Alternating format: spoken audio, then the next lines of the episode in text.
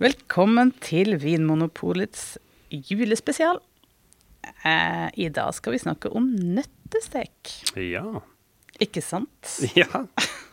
Det er jo altså en eh, favoritt blant mange vegetarianere. Absolutt. Men også folk som spiser kjøtt, altså. Det er en veldig god rett. Det er en veldig god rett. Og det, i butikk så merket jeg sånn økende etterspørsel etter drikke til eh, nøttestek. Ja. For nå er det liksom det, Man har det som en egen rett, og heldigvis at ikke man bare trenger å spise tilbehøret som de andre spiser, men eh, man kan få en liten festrett. Ikke sant? Eh, Og det er jo kanskje ikke en sånn tradisjonsrett, men allikevel så har den med seg noen elementer som vi kjenner fra andre av våre eh, tradisjonsretter. Mm. Det er noe med det krydrede preget som eh, passer til julen. Ja, Ja. det er noe med det. Det er jo lagd gjerne på mye sånn sopp, og selvfølgelig uh, nøtter. Mm. Og så en, en del sånne varme krydder som pakkes sammen til en sånn kubbe. Ja. Og serveres med saus og poteter og grønnsaker. Ja. Uh, og dette her er dype og sånn jordlige aromaer. Mm. Da må vi finne noe festdrikke i, eh, i glasset også. Vi har jo testa dette her. Det har vi. Og jeg må jo si at jeg eh, Både rødvin og hvitvin eh, passer godt. eh, Mens førstevalget mitt blir nok kanskje en hvitvin. Ja. Her kan vi fleske litt til på hvitvinsiden med litt sånn derre Noe sånn chardonnay fra California gjerne, som har en del fatpreg. Ja, sånne rike, svære Ja. viner. Det Så det smaker av nøtter og smør og litt sopp og Ja, det, det syns jeg var kjempegodt til. Ja, det blir sånn, Vinen blir som en forlengelse av maten, på en Ja. måte. Og så gir den et sånn lite vennlig syrespark i tillegg. Eh, Jeg er helt enig. Jeg tror vi skal bare sette det som et førstevalg. Ja.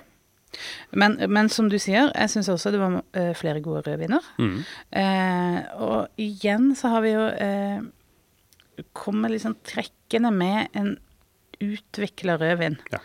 Ehm, her vil jeg kanskje, siden det er fest, så vil jeg kanskje valgt en utvikla Bordeaux. Ja. Det viktigste her er det, at den har fått noen år på baken. Ja.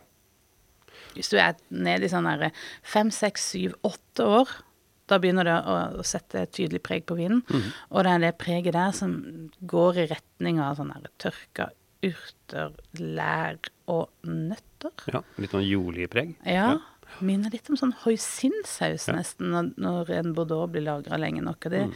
det er veldig spennende å bruke til, til mat. Og der kan du jo enten nettbutikk eller app s- velge f.eks. rødvin, og velge utviklet og nyansert som en sånn eh, filter. Ja. Kan du se hva som er tilgjengelig. Jeg syns også det er gøy med eh, denne retten at den eh, åpner opp for at man kan liksom dra på litt med smak. Mhm. Og, og det er noen vinstiler som ofte overkjører eh, eh, maten, på en måte. Sånn, de er litt vanskelige bruksområder, syns jeg, fordi at du smaker bare vinen. Selv om vinen i seg sjøl er god, så vil du gjerne ha det samspillet, da. Og da eh, syns jeg at her kan vi endelig få brukt sånne sjirasser fra Australia. Ja, den Barossa. Ja, Ja. sånne bomber, liksom. Ja. Det er noe litt sånn der hedonistisk og fleskete med det. Ja, jeg tenker også sånn type noe sånn Sinfandel fra uh, California også. Ja. Som også er litt sånn svært og fleskete, og gjerne ofte Den, den tåler jo en del fat, så eh, her får du også litt de fattonene som eh, Ja. kan gå godt i den Ja, for det, det, nøttestekken. det fungerer helt fint her. Mm. Eh, siden det er i jula, så er jo mange opptatt av øl og akevitt. Og eh, skal man velge et øl til denne retten, så tror jeg ville eh, rett og slett nesten valgt på farve, holdt jeg på å si. valgt en nøttebrunt øl. Ja. En eh, brown ale, for. Ja, men jeg tenker også at et sånt eh, klassisk juleøl jeg, Ofte så anbefaler jeg sånn klassiske norske juleøl til noe sånn eh, Istedenfor til den klassiske julematen, så er det mer noe sånn til noen nøtter og noe sånn der Sånn ved peisen og sånn, syns jeg er godt. Men akkurat her, her har vi det nøttepreget. Nøttestek og juleøl. Ja. Absolutt innafor. Det er jo altså deilig å kunne dra fram de der eh, drikkene som har det der dype, mørke. Ja. Og her, her har man virkelig muligheten til det. Og hvis du har akevitt til, så ville jeg også gått mot det litt sånn dype, mørke, fatpregede Ja. Ja. Sånn som har ligget på sherryfat, eller til og med bourbonfat, Ja. eller som har fått liksom en del av de aromaene der. Mm.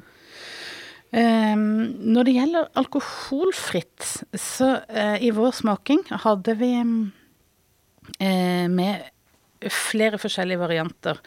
Uh, men vi endte opp med det som kanskje bryter litt med den logikken vi har snakka om fram til nå.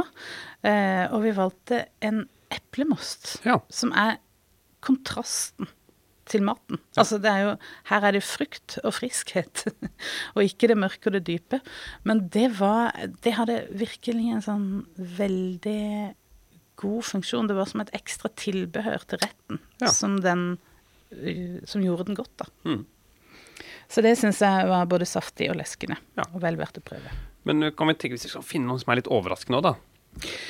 Ja, eh, det som kanskje overraska meg mest, var at vi eh, endte opp med å kåre en vinner på den eh, smakinga vi hadde. Og det var en champagne. Eh, en litt utvikla champagne som hadde fått eh, Som selve basevinen hadde fått ligge noen år eh, og fått et litt sånn utvikla preg, det også. Mm. Men jeg har fremdeles den der eh, ungdommeligheten som en champagne ofte har i tillegg. Ja. Så det er en sånn spenn i selve vinen som var eh, veldig spennende til. Ja. Og dette her eh, autolysepreget som god champagne har, som er en sånn eh, preg av eh, kjeks, bakverk, Nøtter. nøtter. Ja. Det hadde en kjempefin eh, plass inni, inni dette måltidet. ja. Og det syns jeg fortjener Ja, det syns god jeg. champagne. Takk for at du hører på Vinmonopolets podkast. Har du forslag til et tema i podkasten? Send mail til podkast at vinmonopolet.no. I tillegg svarer kundesenteret deg på e-post, chat og telefon.